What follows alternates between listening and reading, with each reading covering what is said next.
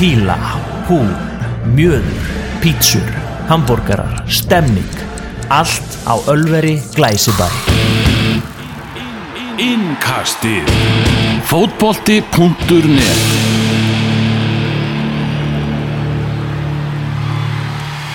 Gótt og gleðilegt sunnudagskvöld, 10. mars, það er komið að Evrópu innkastinu. Elvar Geir í Reykjavík og í vestmannum er Daniel Geir Moritz. Uh, ég fekk nokkra skammir í hattin, Daniel, fyrir að við höfum ekki verið á dagskrá í miðri síðustu viku þegar uh, þessar ótrúlegu meistaradeildarleikir voru.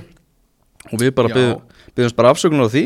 Við ætlum að vera hins vegar, uh, já, erum, erum náttúrulega núna á þessu sunnudagskvöldi, ætlum að vera eftir leifupúleikina á miðvikudaginn.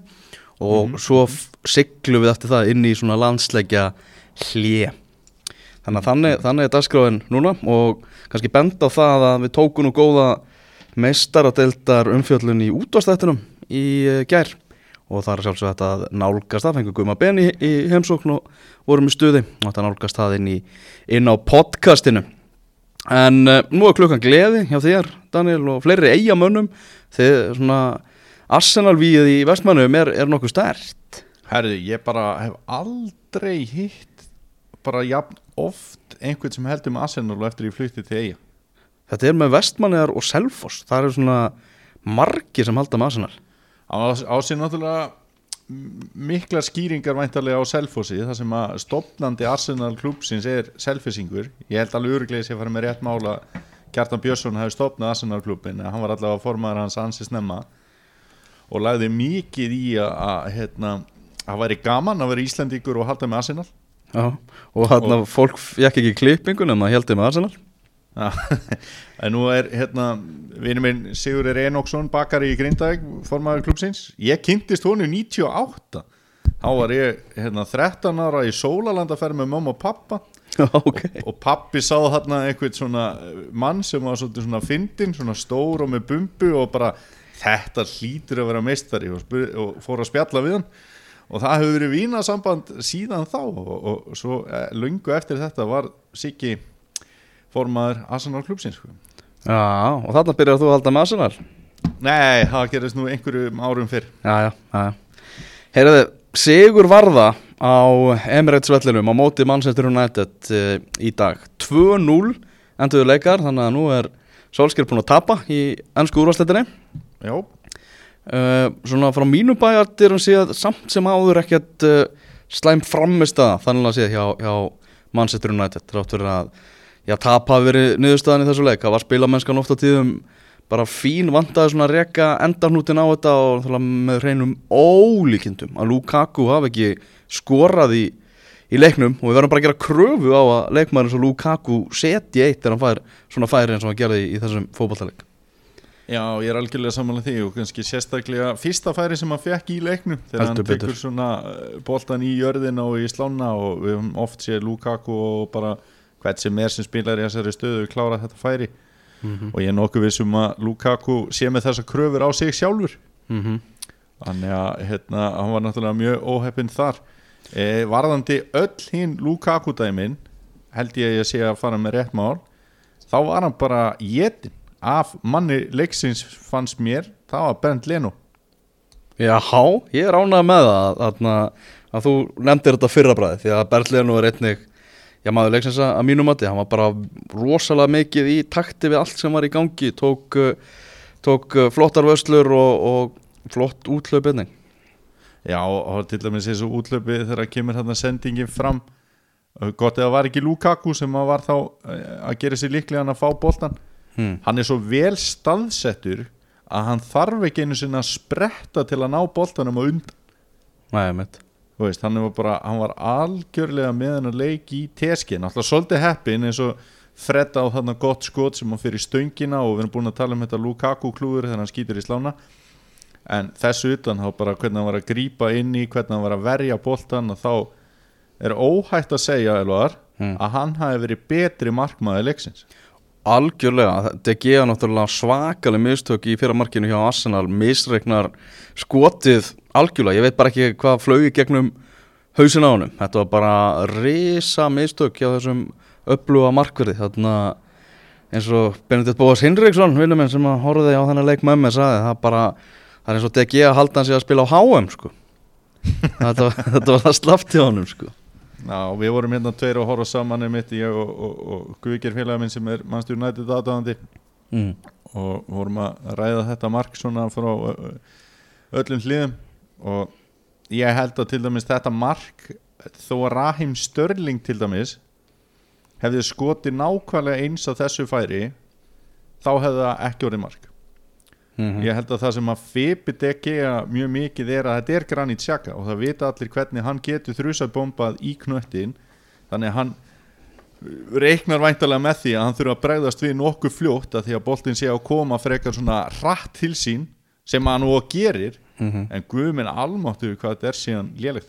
Og mér aðstöður mitt hérna gaman að því að ég valdi sameirið hlið Arsenal og United eh, það sem við vorum að hita upp á .net fyrir þennan leik. Fekk blúsandi lestur Já, og fekk svona dálti bátt fyrir að velja Granit Xhaka. Hafði lúnskaman að því, við kennum það. Mhm.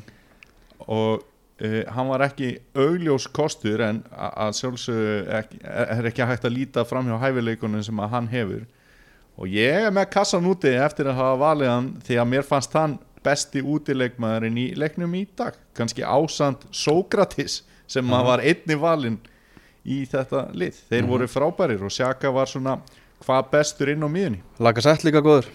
Laka sett og mjög góður samanlega því. Mm uh, Sko Fred, vinnu minn Já, Það er svolítið fyndið að þegar United var að spila ágætlega í upphæði setni álegsins kom flottu kaplið það og þá voru við svolítið að ræða það að ég var svona að ég er bara nokkuð ánægð með svona hvað Fred er að gera sko. uh, Eftir það þá bara gjósanlega ræpaði hann í grasið sko.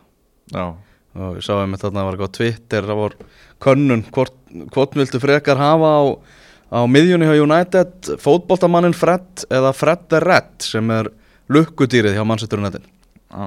hvort Fred viltu, viltu hafa hann er Ég, ég svolítið ætla að gíska að hafa verið svona 80% sem við veldum lukkudýri. Já, ég held að það verið einhvern veginn cirka bát tannig sko. Já, en sko að því sögðu tap hjá Manchester United en ég ætla samt að ofinbara það að ég er algjörlega komin 100% á óleikuna Solskjær vagnin já. Það er bara, þú veist, það er ekki þú varst hægt lengi á hann. Já, þú veist þarna ég var Þú varst alltaf aldrei í heithópnum. Þú varst alltaf heitur, þú veist Þið fannst þetta alltaf spennandi En þú varst svona kannski meira spennandi fyrir að þetta er svona tímabundi fjör og svo kæmi alvöru stjóri. Já, en bara óleikuna Solskjær búin að sína það að hann er alveg stjóri. Já, nákvæmlega. og það er bara, þú veist, það er bara galið að hoppa einhvern annan eftir, eftir þessa byrjun, þrátt fyrir þennan tableik í, í dag, sko.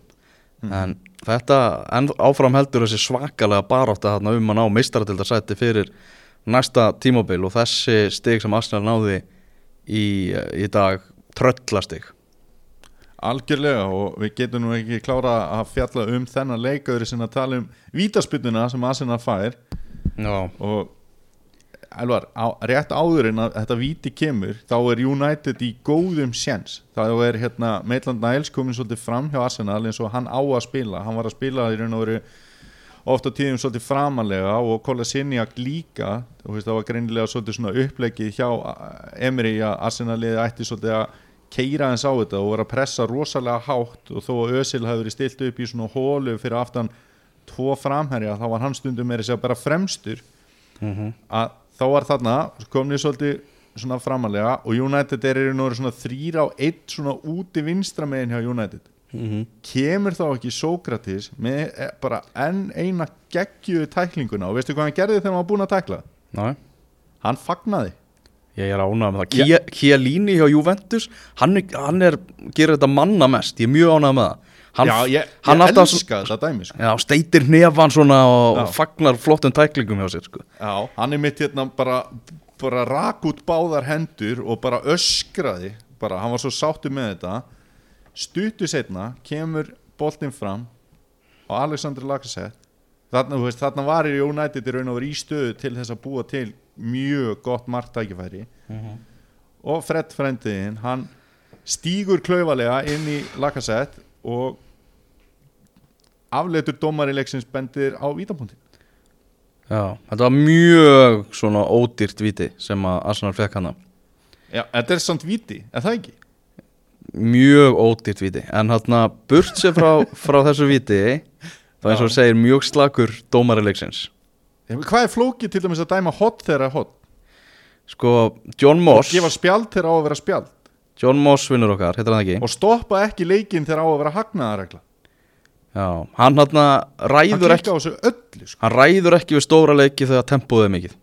Nei, hann var nefnilega, veistu það, þetta var svo augljóst. Hann var stundum að flauta til þess að drepa tempóið. Og það hann er svo feitur og latur og púpaður að hann nennir ekki að hlaupa á milli þetta er mesti púpadómari deildarinnar sko. Og svo er maður að horfa á minni leik fyrir í dag þar sem að Michael Oliver með flautina og allt í teskið sko. já, já. Þetta þetta er óþólandi, auðvitað áttu við að fá besta dómaran og stærsta leikin og Michael Oliver áttu að vera að flauta þennan leik. Er bara, þú veist, að breyttin er svo lítil var þetta dómgjastluna hjá Englandi. Þú veist, á Englandi, þetta er náttúrulega, þú veist, bara Michael Oliver er nýbúin að dæma stórleik hjá Manchester United. Já, já, veist, og, og svona, það þarf að reyna að ræða þessu eitthvað niður en bara, já, breyttin bara alls ekki nægilega góð. Uh, nei, nei, Förum í Liverpool Burnley. Já, Liverpool með fjögur tvö sigur þar, þar sem að Burnley kennst yfir með marki sem er náttúrulega aldrei að standa kól ólulegt mm átti alltaf að dæma, dæma auk, aukaspilnum Liverpool jafnar, það var nú ansi ódýrt jöfnunamark frá Burnley. Þetta var eiginlega bara, bara gjöfræðin já, uh, og svo eftir að Liverpool komst í 2-1 þá var þetta þannilega að sé aldrei í hætti þrátt fyrir að Jói Berg hafi, já, hressandur náttúrulega að sjá hann kom inn á að skora, það er náttúrulega bara, bara ennþá meira hressandur að sjá hann byrja því að hann á bara alltaf að byrja ef að hann er tilbúin að spila fótballta uh, að þú veist, þá kom eitthvað svona aðeins eitthvað, að, kannski fáður nokkra sekundur eitt hotn eða eitthvað. En þá var það bara skotið gjósalega niður aftur og, og þegar hólmennu komið. Virkilega samfærandi sigur Liverpool nei er ekki, ég, er ekki sammála því að þegar á hólminn er komið hafi þetta verið virkilega samfærandi af því að það myndaðist þetta augnablík í lokin en þeir brúðust alveg mjög vel við því og voru náttúrulega betri í leiknum að sjálfsögðu mm.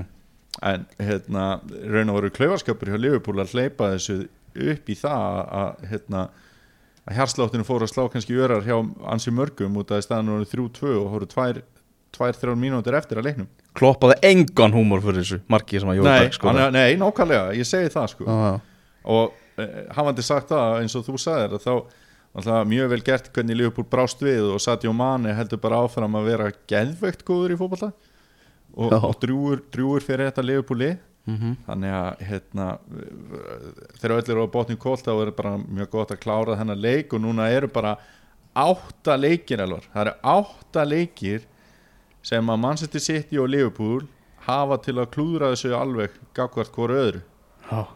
Þetta verður rosalegt rosalegt kapplöp þar sem að eftir lifir og bæði lið náttúrulega ennþá í meistaradeildinu og mjög líklegt að þau verði í pottinum bæði þegar, þegar dreigi verður á, á föstudaginn í áttalega úrslitin. Já, þetta er allavega mjög spennandi og og City í bílstjórasætinu því að þeir eru með fleiri stig. Uh, næsti leikur Liverpool er heimaleikur á móti Tottenham sem er heldur betur að drulla á sig þessa dagana. Já, nánar að því og eftir. Uh, Þú ætlar að nefna hvað hérna bestu kaup Jörgen Klopp frá, frá upphæði Já, ég, við, já, við fengum svona áskorun á Twitter að hérna meta það hver væri svona bestu kaup Jörgen Klopp. Og ég er búinn að velta þessu fyrir mig fram og tilbaka og við vorum spuriðir orðrétt hver eru þrjú bestu kaupin? Mm -hmm. og málið er að hann hefur bara gert svo mörg góð kaup. Já, eins og við röktum þegar við hérna, bárum saman til dæmis hérna, e, skoðum nánar í þætti fyrir vetur hvernig leikmönnum sem að koma frá Southampton hefur reitt af í Liverpool treyjunni sem að, að var frábæri umfjöldum þó ég segi sjálfur frá. Mm að þá er ég komin með listan Kottu með þetta. Númer þrjú. Þá verður maður að setja einn svona e, svona klók kaup að fá gríðarlega mikið fyrir peningin Já. Andy Robertson. Mm kemur frá húl 12 miljónu punta og er mögulega besti vinstri bakverður hérna e, deildarinnar í dag. Já, allavega á þessu tímabili. Númer 2 er Mo Salah. Mm Og þá veitum við náttúrulega alveg hver er nummer eitt. Já, það er virklir Van Dijk dýrasti varnamæri heimi, hann er bara eh, gæinn sem að tekur þetta svona á næsta skref. Mér finnst mjög bjánalegt á mörgu leiti að skilja bara Alisson Becker eftir þegar það verið að nefna top 3 og líka Sadio Manni Já, Þannig Þetta er- bara erfitt að ræða þessu upp en, en ég er sammála því að Virgil van Dijk á náttúrulega að vera bara í efsta sæti. Þráttur hann hafi kostað þetta mikið pening þá gjörbreytar hann algjörlega liðið nú er bara ástæðan fyrir því að þeir eru í titilsjans núna í dag. Já, og þá væri líka eiginlega ekki takt að segja við því ef að Alisson væri bara í öðru sæti á svona lista því að þó að hann hafi líka kostað mikið pening þá var þetta bara voru þetta bara góð kaup þó að þetta hafi verið há uppæð en þú veist, að Það nákvæmlega. Og ég meina sko líka gleymið því ekki að það Sala var kiftur það voru væntingar ekki það miklar fyrir hann Nei, sko. akkurat. Það var svona já, fýll leikmaður sem er að koma frá Róma.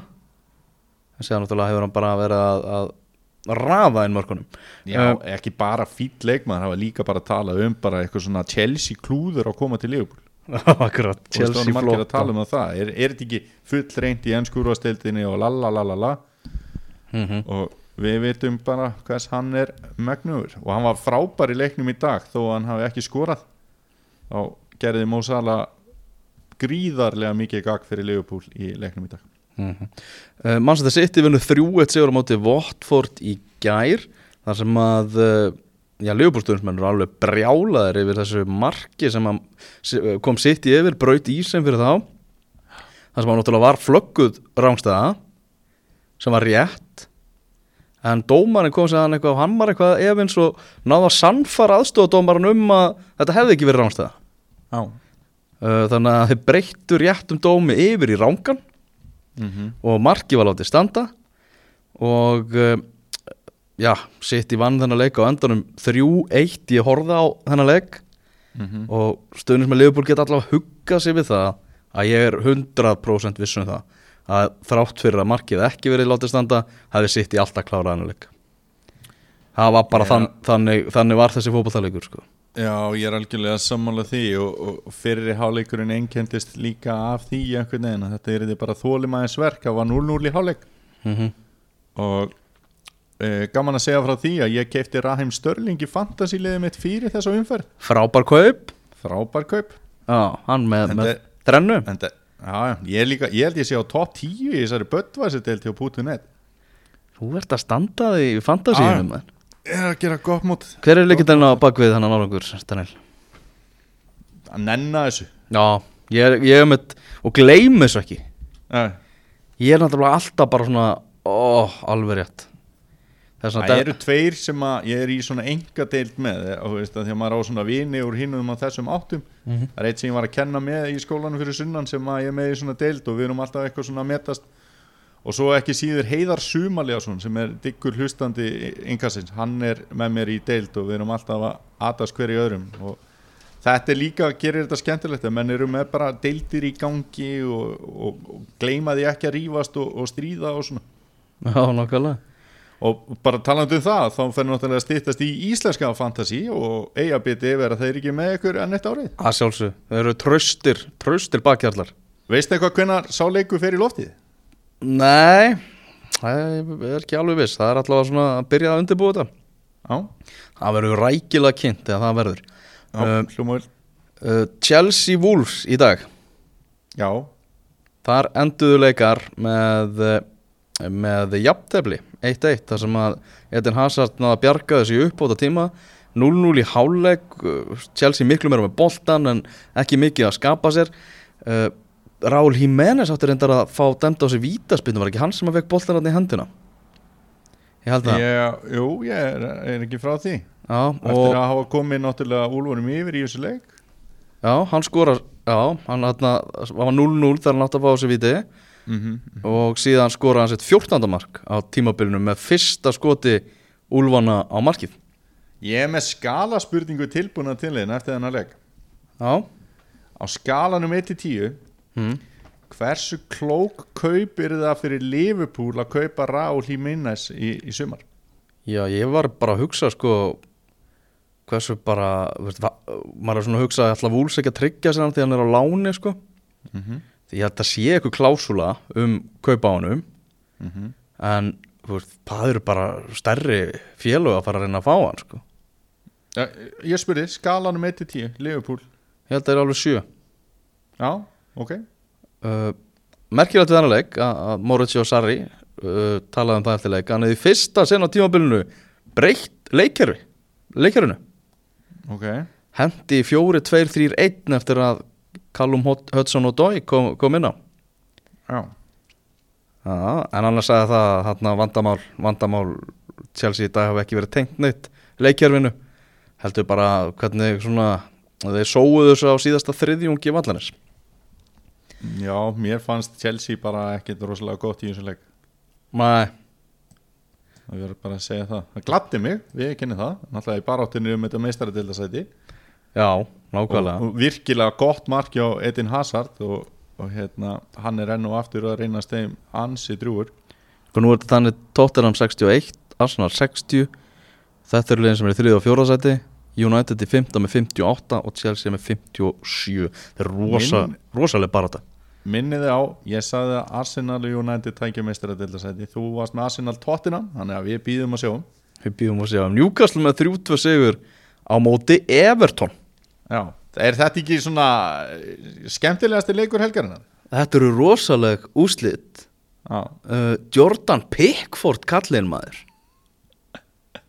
Já, Heyrðu, hann að þegar Everton náttúrulega komst í 2-0 í þessum leik og við vitum það að stöðnismenn Newcastle er einir þeir bestu í Evrópu. Já. Uh, þeir voru hann eitthvað að, að láta í sér heyri í stúkunni og hann var svona að kynda í þeim mm var eitthvað svona að brosa upp í stúku og eitthvað að setja tunguna út og eitthvað? Mjög klókt. Mjög klókt hjá hann sérstaklega þegar hann gerir enn og aftur rándýr mistök. Mm -hmm. uh, og þegar hann fær á sig þetta víti hann Mm fyrst við erum að tala eins um púpadómgjastlu og svona var ekki Lee Mason held ég samt endið hann leik bara algjörlega óskiljanlegt að hann hafi ekki fengið raukt þegar hann fekk á sig þetta víti hann gerir, gerir mistök, missir boltan frá sér veður þá bara í mannin því að veit hann á ekki séns á í, já og það er bara eins mikið rautspjald og, og, og hægt er en hann er búin að kosta Evertón bara allt og mörg stig á þessu tíma Farða hans þá yfir þetta hérna, munin á þrefaldri refsingu þegar hún á við og þegar hún á ekki við. Já, það, veist, það er bara þarna á þreifaldar refsingin algjörlega við því hann er bæði náttúrulega að ræna upplöðu marktækifæri og er ekkert að hugsa um boltan sko. Einmitt. Þannig að þetta er bara ekkert annað en, rauðspjald og þrátt fyrir að Tom Heaton hafi nú ekki verið upp á sitt besta á Anfield í dag Næ, Eins og og, var líka í jólasveinambúningnum að gefa.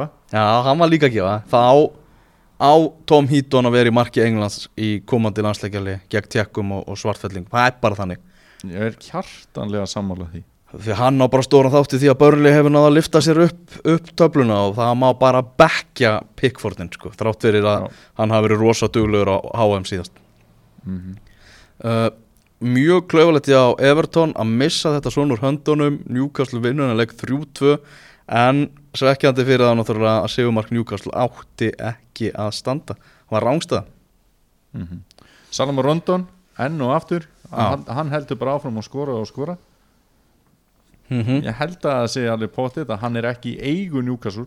Ég held að hann sé lánsmaður. Mm Þannig að þeir hljóta að, að tryggja sér þjónustu hans á næsta tímabilið því að hann er búin að vera virkilega öflugur fyrir þá og, og þetta er náttúrulega frábær endur komið segur og e, ég, ég held að fyrirleik þá var ég svona á því að, að Newcastle myndi taka þetta. En í stöðinu 2-0 þá ég held að hafi ansi fái reikna með Newcastle sigri í stöðinu 2-0 fyrir Everton. Já, það er nefnilega þannig.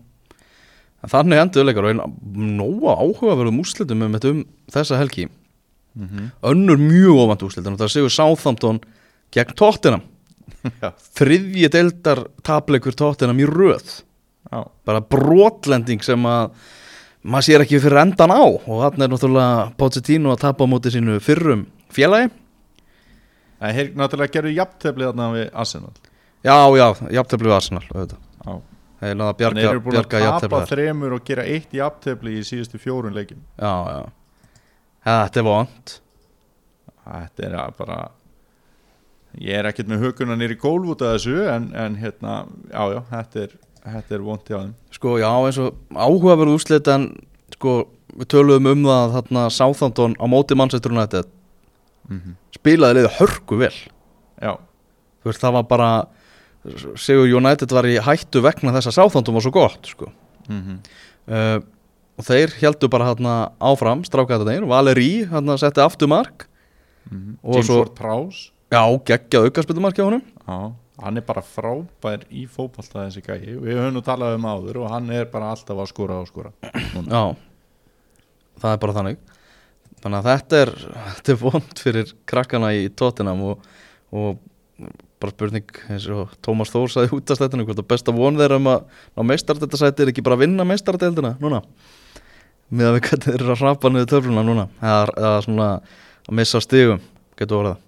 Já, nákvæmlega. Uh, Önnur mjög áhugaverð úslit, það er Cardiff 2 Vestham 0 Já, enn og aftur vinnur náttúrulega Cardiff þegar Aron Einar er í liðinu uh, hann fekk hörku fína dóma hjá Wilson Line, fekk sjö engun og þau sögðu það verið svona eftir að hann hafa aðeins kannski dotti niður þá, þá náði hann að sína bara Arons Einars leik svona ekta Arons framistöðu þarna.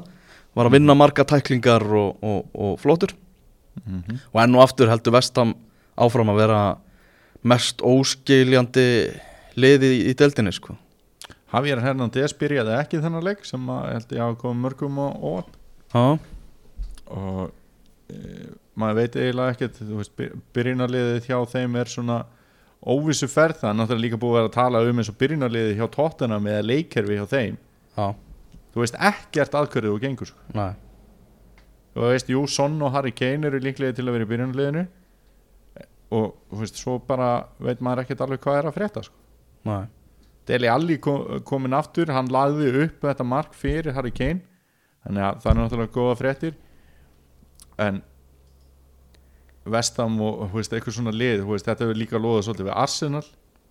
Þetta loðaði við Manchester United til stjórn Jose Mourinho.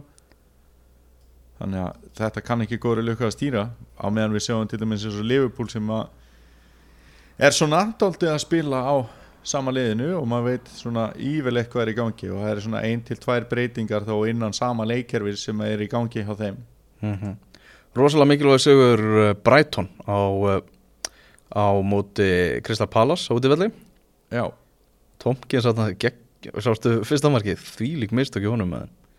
hann leit alveg hrikalega illa út maður. já sem Glenn Murray skoraði Já, Já, algjörlega og frábær afgriðsla Já, Murray tekur bara tekur hann á lofti bara veist, ég, ég dýrka hann að gæja sko. já Hann er bara svo mikill meistari sko. Lester með 3-1 sigur á móti Fulham sem er fyrsti sigur Brenda Rodgers uh, og Jamie Vardy setti sitt 100. mark fyrir, fyrir Lester mm og svo er Bournemouth með 2-0 úti sigur á móti Huddersfield þar sem að Callum Wilson sett hann. Uh, búin að vera í- hvað, á meðslalistanum mann sér lengi eftir, eftir nýja meðsli Já, og enn og aftur Ryan Fraser líka annarkvort skoraði að leggja upp nema hann gerir bæði í- þeir gerðu bæði, báðir. Já, Wilson og Fraser eru með mark sitt mark í kór og sína stóðsendinguna á kór þannig að e, virkilega fýtt sigur hjá þeim á móti lélegasta liðinu í ennska boltanum í dag.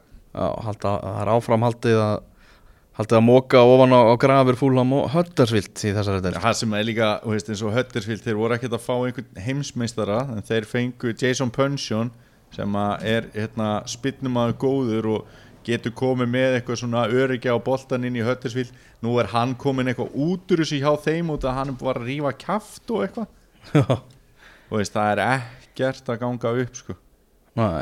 uh, og vil, ég held líka að, liðið það er bara ekkert alveg náð sér að, hérna, stjórin sem var með ábyrðu það datta hans út um mér, Wagner. Já, hann hefði sjálfur ákveðið að hætta þegar hann hætti. Ég held að enginn í klubnum hafi verið tilbúin í það og það reyndist leikbunir mjög erfitt og ég held að þeir séu bara ekkert að ná sér eftir það. Mm uh, ef við lítum að það er í Championship-dildina þá var Norvit sem er í aftasæti að vinna Swansea um helgina Leeds sem er í öðru sæti vann Bristol City og Sheffield United sem er í þriðja sæti vann Rotherham. Já. en það sem ég vil ræða þessari deild Já, er, uh, byrjum á Birmingham slagnum. Birmingham 0, Aston Villa 1 já, Jack Grealish með segumarkið og það er náttúrulega stóru fréttirnar að það hljóp stuðningsmaður inn á völlin og hann bara kýldi Jack Grealish niður þegar staðan var markalaus. Stuðningsmaður Birmingham, þetta er náttúrulega bæði liðin er í Birmingham, mikið hatur hann á milli. Jack Grealish er Birmingham strákur, bara uppalinn villamæður og, og þeir sem vita hann, þetta er svona þekkja hann, þetta er náttúrulega, þetta er spaði og svona, Vandraði gemsi og... vandraði gemsi og, og svona hefur ekki alveg fetað alltaf réttu skrefin en, og, og er ekki vinsall hjá stuðningsmönnum Birmingham. Uh, en þetta er þetta er náttúrulega bara algjör skandal það var svolítið mikið við sjáum líka náttúrulega hann fekk smá ítingu hérna Chris Smalling í Arsenal United í dag, þá hljóp líka gaurinn á völlin, völlin og svo var líka eitthvað í skorskaboltanum þá var líka eitthvað að hlaupin á völlin sko. Já, við náttúrulega sjáum reglulega menn hlaupin á völlin og við tökum til dæmis þennan, þennan bjána sem var stuðningsmaður Arsenal, ég held að það sé alveg auðljósmál að þá ítur hann við st- hérna, smóling út að hann er að flýta sér svo mikið að reyna að fagna með Arsenal-görunum Já. Þannig að ásetningurinn er einhvern veginn bara að á að vera fáviti og, og, og líka hérna í dæminu í Skotlandi en við höfum nú ekki oft séð svona ásetning eins og áttu sér staði þessum Birmingham-slag og ég velti því fyrir mér hefði ekki bara átt að flauta leikin af? Það var eitthvað, eitthvað umræðan það á Twitter. Ég bara, þú veist að- það var ráðist á leikmann á vellinu Já, bara flauta af og Aston Villa vinnur hann að leik 3-0 já, er það ekki bara einfalt? það er bara einfalt og gott sko. og bara Já. heila en þá hefðu náttúrulega ekki fengið þetta moment að Jack Grealish hefði skorað þetta mark og hann sagði að þetta voru bara besti dagur lífsins eftir Já, leikin hann, er, hann er þarna, hann er búin að taka svolítið vel til í haustum á sér og, og, og, og var í fyrsta skipti fyrirlið Aston Villa í þessu leik. Hmm. og einmitt eins og þú segir þá talaði hann eftir leik um að, um að þetta hefði verið besti dagur lífsans og, og hérna, fyrsta skipti sem hann er fyrirlið næri að skora sigur marki í Birmingham-slagnum og svo var hann spurður út í þetta atvik og það er hann var ekkert að minnast á það á fyrrabræði og þá talaði hann um að þetta ætti náttúrulega ekkert skilt við fótbolta og ég held að allir taki undir það Mm -hmm. Stuðnismæðurinn uh, samstund þessi bann þeir tóku bara svolítið fljótt á þessu Birmingham að sjálfsögðu og, og sögðu bara að þessi gaur er bara settur í ævilangt bann á, á okkar velli, það er bara staðfest mm -hmm. uh, annað ljótt uh, á Twitter þá hann kom einhver stuðnismæður Birmingham eftirleik og skrifaði hást, hástöfum Jack Grealish skoraði kannski sigumarki í dag en hann mun aldrei endur heimta bróður sinn. Ha ha ha ha ha. Og mynd af gröf bróður hans. Mm -hmm. sem að þarna náðu ekki að verða einsás. Uh, þetta var um, um aldamótin held ég þegar að hann var kottnungur sjálfur Jack Grealish. Þá, þá eignaðist hann bróður sem að liður stutt. Og þetta er bara, þetta er ógeðslegt. Þetta er bara, Já, þetta er bara hversu mikill fáviti getur verið sko Já, ég bara það er 10,0 í engun á fávitaskalanum og já, maður skilur ekki hvað fólki gengur til þegar þegar að tala svona mm -hmm. og meira segja bara oft hvað fólki gengur til þegar að tala með miklu léttvæðari hætti en þetta, þú veist, okkur er, eru personun í og, og þetta svona mikið viðurkend Mhm. og, og þá er þetta náttúrulega einhver svona afsprengi þeirra höðunar og, og þetta er náttúrulega bara gjörsanlega galin höðun og Ég mér veit- finnst það að mætti bara svona fólk með bara fá dóm. Mhm. Ég held að við sjáum Jack Grealish annars í ennsku úrvarsleitinu á, á næsta tímabili. Hann var mikið orðaði við Tottenham síðasta sumar. Já, uh, svo eitthvað daginn svona finnst mann eins og þetta hafi verið settlað svona svipað, maður hefur svipað tilfylgum með Eden Hazard. Það bara, heyrðu, taktu eitt tímabili viðbútt með okkur. Og ef við, þú veist, gerum ekkert að viti þá, þá ferðu næsta sumar. Sko Jack Grealish og Aston Villa eru fimm stegum nei, fyrir ekki, fjórum stegum frá umspilsæti. Enn er von. Enn er von. Mm finnst þér ekki ólíklegt ef Aston Villa fe- fer upp að hann fari? Jú, jú. Ég, Við fáum hann í ennsku úrvarsleitinu hvort sem að verum Aston Villa eða, öðru og ég, ég myndi ekki heldur veðja samt að reynda ráða að Aston Villa myndi fara upp en það er hann að segja Nei, uh. Patrik Sigurður Gunnarsson. Þetta kom svolítið eins og þrjum ár heiðskýru lofti. Hann uh, kom inn á í Championship deildinni Þessi ungi markmaður sem var í herbúðum Breiðabliks var lánaður til íjar og leik nokkra leiki með þeim í Inkasso deildinni í fyrra. Hann er búin að vera varamarkmaður hjá Brentford síðustu tvo leiki og vegna meðsla þá spilaði hann síðasta korterið í 2-1 útisigri á móti Middlesbrough. Og við bara óskum honum innilega til hamingi með það og bara frábært að fá svona ungan og, og efnilegan markmann fram í sviðsljósið hjá okkur sko. Já, þetta er bara mjög skemmtilegt Ja, og pappans coming, sko. pappans uh, náttúrulega gerði garðin frægan í heimabögg þinni í, í vestmannegjum á sínu tíma sem markmaður í BVF Gunnar Sigursson Já, uh, mikið búið að ræðum var undanfarna daga könnun á fossiðu fótbolta.net ertu ánægð eða ánægður með innkomi var í meistaradeildina? 74% segja já. Ok. Þannig að á heldina litið eru fótboltaáhamenn að taka var opnum örmum í meistaradeilda Európa Ekkert stórt tekið til orða En já, já. 74% Já, já. 74% þegar við talum það að hérna 74% sögðu ekki Já, ég tek var opnum örmum í meistaradeildin Jú, ég orðaði það þannig, það stendur það Já, ég tek, Já, ok. tek var opnum örmum. Og nei, ég loka mínum örmum. Það voru 26% sem að, sem að, að svöruðu því. Það er náttúrulega stæðsta var mómenti sem við höfum séð var náttúrulega í leiknum síðasta miðvíkudag og þið fóruðu svolítið yfir þetta með gumma ben í þættinum í gær. Mm Það voru fáir sem höfðu trú á þessari endurkomu elvar en helmingur ynga sem skerði það ha, Vel gert Daniel, vel gert. Jöfnveld var ég ánægð með þetta. Já, ég er svo ánægð með þig. Ég held með United svolítið í þessu leik ekki bara því að ég hefði spáð í þessu það er bara, maður er einhvern veginn svolítið stuðningsmaður enskra liða í meistaradeildinni og ég held, veist, maður er að heyra hörðustu púlara vera að heitlast einhvern veginn að þessu sólskeræfintýri og svona. Þannig að veist, við elskum fairytale og, og, og bara þetta var ógeðslega gaman að sjá bara til að gera langa sögust upp um þetta NV, PSG og, og, og Manchester United mm. Og mikið ennsku dómarandur út að var það er ekki var í ennsku úrvalsleitinni þá fá þeir ekkert að dæma í meistaradeildinni. Já, ég held samt bara að Jonathan Moss hafi líka bara sínt það svolítið í dag að þeir hafa ekkert í það að gera. En svo þetta fyndið að þarna, það er bara einn dómari sem er að dæma í meistaradeildinni núna sem, sem er ekki frá landi þar sem er verið að nota var og það er Slóvenin, Skómína. Mm -hmm. og fórseti UEFA, hann er einmitt Slóveni. Ah, bara svona, styrlu staðarind ja, bara ekkert í að neinu bara svona svona geta tilviljarnir, tilviljarnir verið í fótboltanum. Já, skemmtilega tilvíkjaninu maður. Herru, verðum við ekki að fara þannig til Þýskalands? Bæjar, hnift- Bæjar með 6-0 sigur og er komið á toppin á markatölu.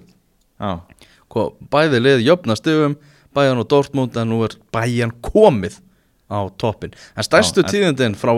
Bæjarlandi er það á þriðjudaginn. Þá skellti Jókim Löf landslýstjálfari Þýskaland sér til á æfingarsvæði Bæjan Munhjan kallaði hérna Tómas Muller, Jerome Boateng og Mats Hummels á, á fund. Og þeir heldur vantilega að vera að fara að leggja línutnar bara fyrir komandi landsleikaglöka nei nei, það var sagði bara að þeir væri ekki lengur í sínum áallunum bara takk fyrir til hamingi með að vera hafa orðið heimsmeistarar með mér.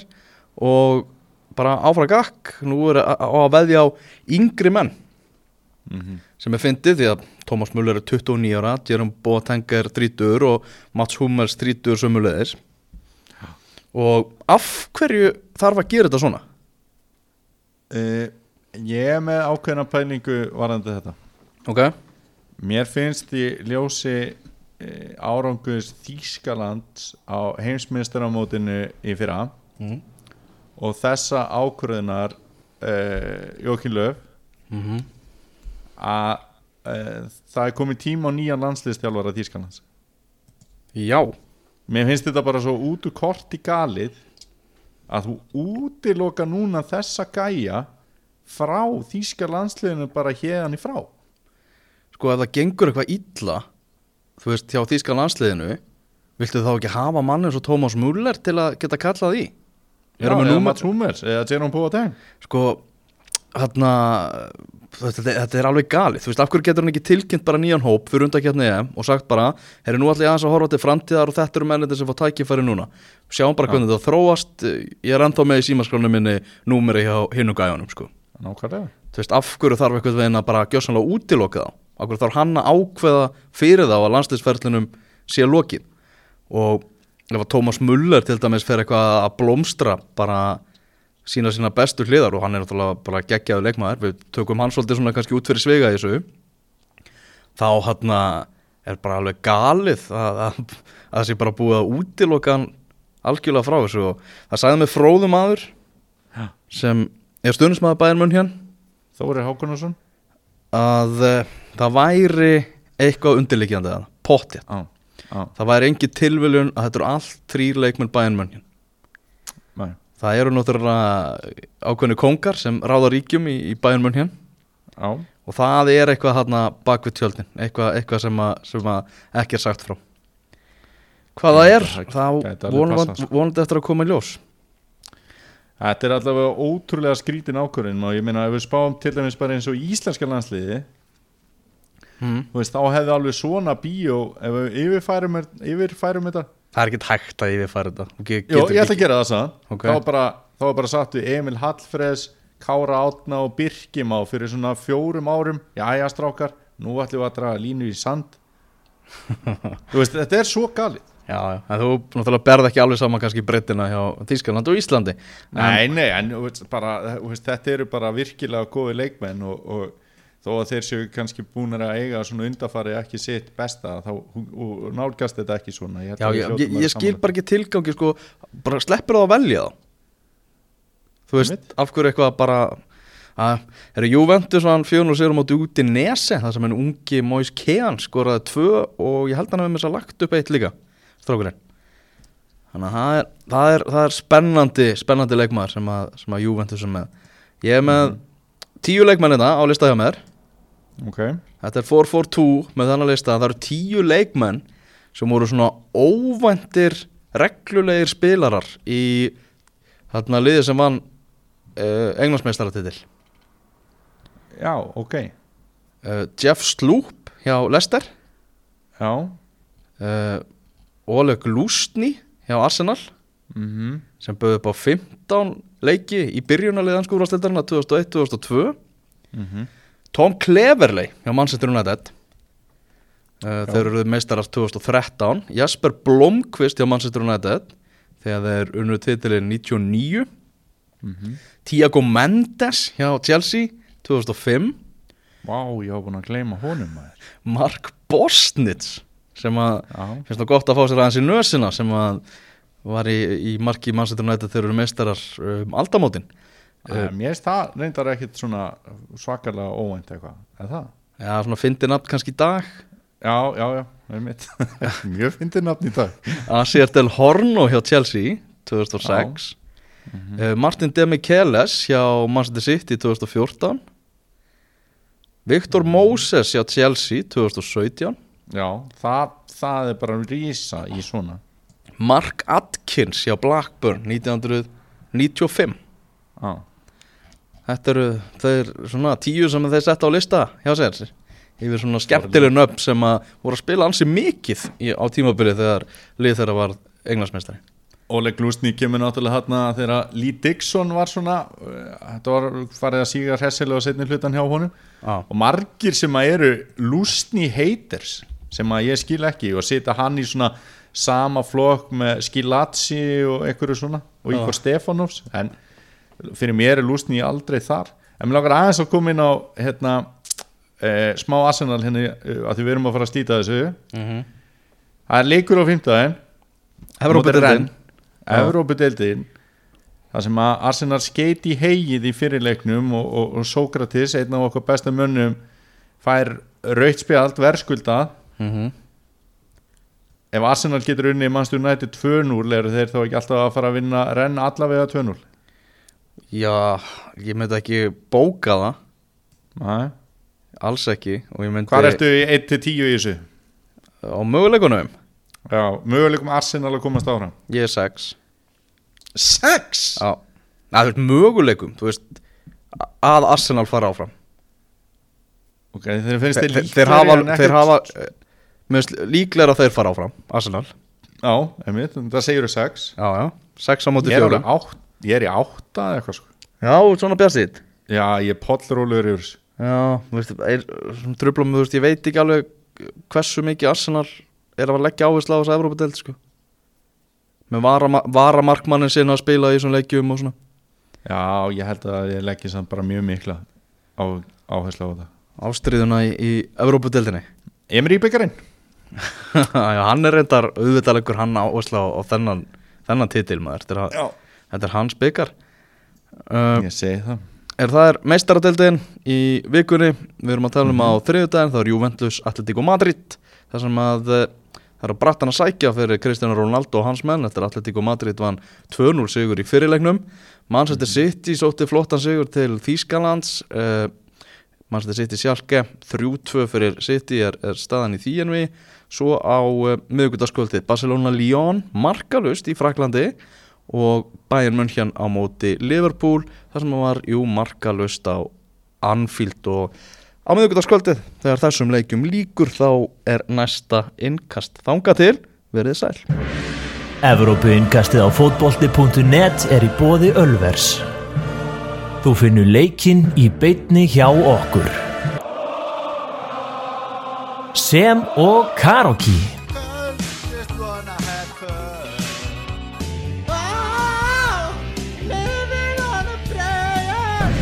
Píla, hú, mjöður, pítsur, hambúrgarar, stemming.